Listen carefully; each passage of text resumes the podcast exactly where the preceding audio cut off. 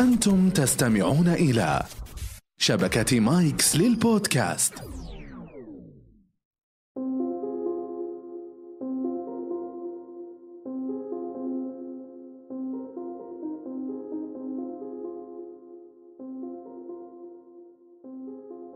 يا ترى كيف أجعل ما بين يدي من موضوع أكثر متعة، أكثر جاذبية للناس؟ هناك بعض الأسرار، بعض اللمسات الخفيفة تضعها داخل الموضوع وأثناء الإلقاء ووقفتك ولغة جسدك تجعل الناس أكثر انبهارا بك. دعونا نتحدث فيها إن شاء الله تعالى خلال هذه الحلقة.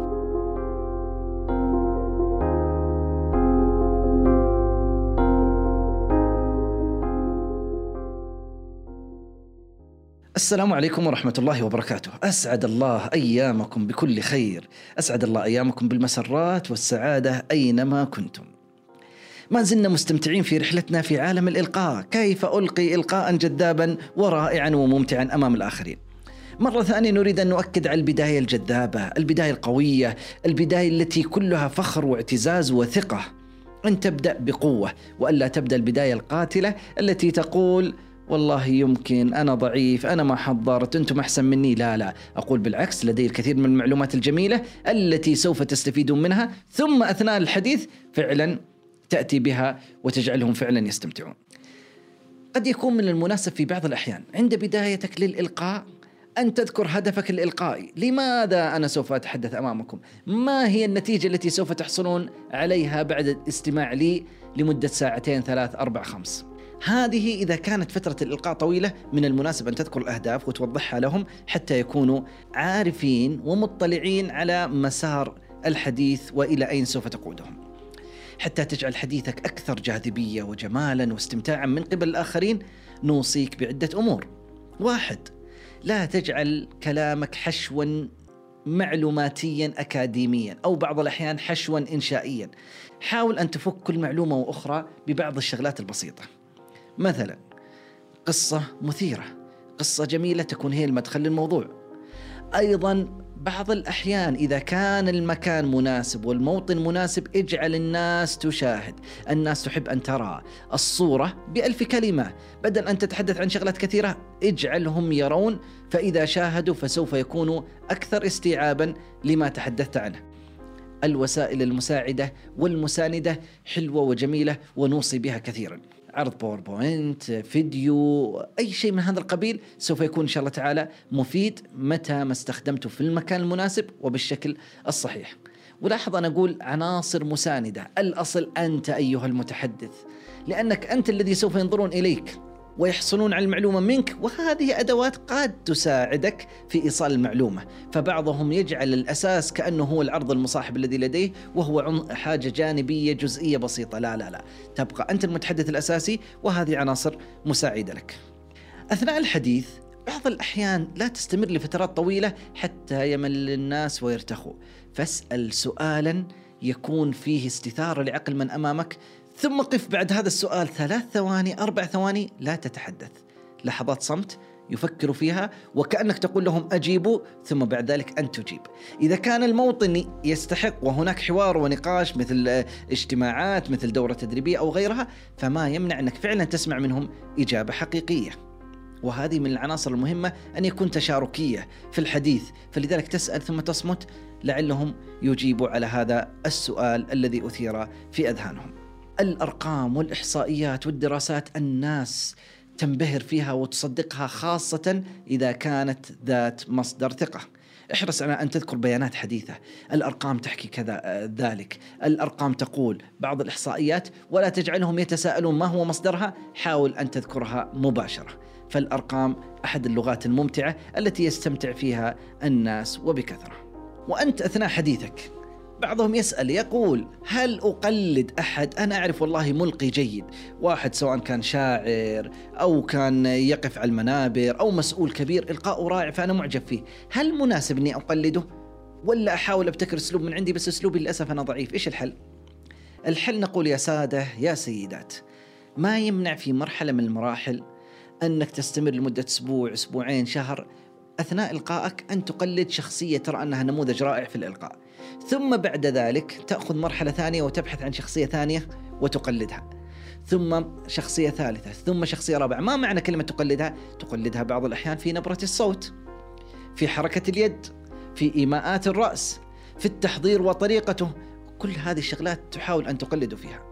تلقائيا العقل سوف يذهب إلى ما أنت أعجبك فيه فتأخذ النقاط الإيجابية منه وتقلدها. بس احذر أن تجد عنده نقاط ضعف فتأخذها كما هي. لا الأصل أنك تبحث عن نقاط القوة وتأخذها منه. ثم شخص ثاني ثالث رابع. بعد هذه المرحلة نقول نوصيك الآن أن تنفرد ببصمة شخصية. لأنك جمعت من كل الناس أفضل ما لديهم ثم الآن تضع بصمتك الشخصية سوف تصل إلى خليط رائع وجميل وإن شاء الله تعالى يكون مميز أمام الآخرين. فلذلك التقليد لا بأس به في مرحلة من المراحل ولكن لا تبقى طوال حياتك مقلدا للآخرين.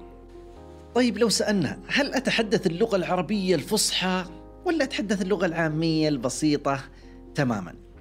نقول اللغة العربية الفصحى جميلة وهي هويتنا ويحتاج أن نحافظ عليها. ولكن بعضهم يستخدمها استخدام مبالغ فيه فيقعر الكلمات ويشعر أن هذه جزء من الثقافة. شوف ما شاء الله عليه مثقف أتي بكلمات صعبة. فقد يقول مثل الأبيات الشعرية التالية ولكم أن تصوروا هذه الأبيات الشعرية وما هو موضوعها والآن وأنا أتحدث إليكم وسوف أذكر ستة أبيات شعرية. ما هو موضوعها العام وهل مناسب الواحد يلقيها أمام الآخرين بهذا الشكل؟ نقول يقول الشاعر في هذه الأبيات الشعرية تدفق في البطحاء بعد تبهطل وقعقع في البيداء غير مزركل وسار بأركان العقيش مقرنصا وهام بكل القارطات بشنكل. يقول وما بال البحاط مقرمطا ويسعى دواما بين هك وهنكل إذا أقبل البعراط طاح بهمه وإن أقبل المحطوش ناء بكلكل يكاد على فرط الحطيف يبقبق ويضرب ما بين الهماط وكندل فيا أيها البقوش لست بقاعد ولا أنت في كل الأمور بطنبلي. الله الله. فهمتوا شيء منها؟ الله يعطيكم العافية. والله أيضا هذه إشكالية. إنه بعضهم يأتي يريد أن يظهر إنه مثقف وإنه فاهم وكل حاجة فيصعب الألفاظ والكلمات ويقول لا نستخدم اللغة العربية. لا لا لا. هذه الأبيات التي يعني تلوتها على مسامعكم هذه شاعر قالها فاستخدم مهجور اللغة. يعني الكلمات التي هجرها الناس ولا يتحدثون فيها أتى بها ولوى عنق بعض الكلمات والمفردات والصناعة اللفظية وأكثر من حاجة حتى يخرج بها. لا نوصي بتقعير اللغة بهذا الشكل. وأيضا في المقابل في أقصى اليسار بعضهم يستخدم الألفاظ والكلمات العامية التي لا تستخدم إلا كلهجة محلية لبعض المناطق. تلقاها حتى مدينة في أحد في إحدى الدول، مثلا عندنا في السعودية مدينة خاصة ب من هم في شمال السعودية أو شرق السعودية أو غربها أو جنوبها أو حتى المنطقة الوسطى. لا هذه لا يفهمها إلا أهل هذه المنطقة لا يفضل. طيب ما هو الحل؟ لا لغة عربية فصحى مقعرة ولا لغة عامية. هناك في المنتصف ما يسمى باللغة البيضاء. اللغة البيضاء التي يتحدث فيها كل الناس. لو سمعك واحد زي حالتي أنا مثلا من السعودية سمعني شخص من من مصر يفهمها عادي. من المغرب العربي يفهمها. أي عربي يستطيع أن يفهمها وهو مرتاح ولا يجد صعوبة في بعض الألفاظ. هذه تسمى في الإعلام اللغة البيضاء التي تجمع بين العامية البسيطة و اللغة العربية الأساسية الجميلة.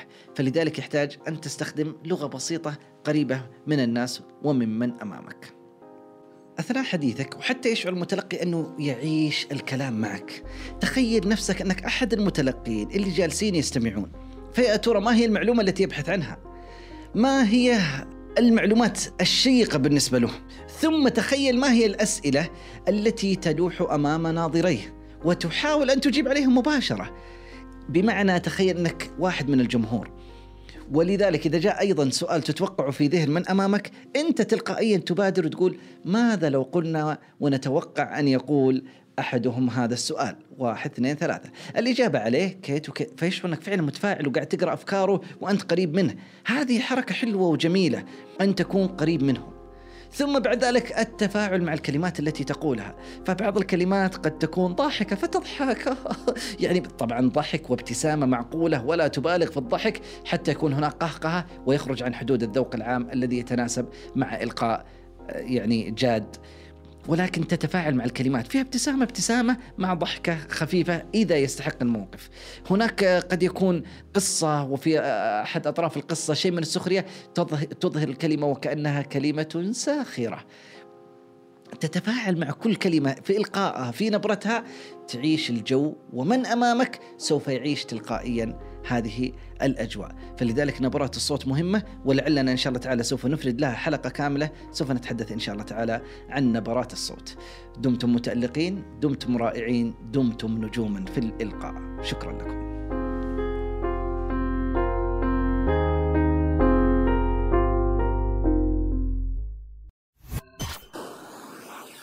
مايكس صديقك المفضل الجديد.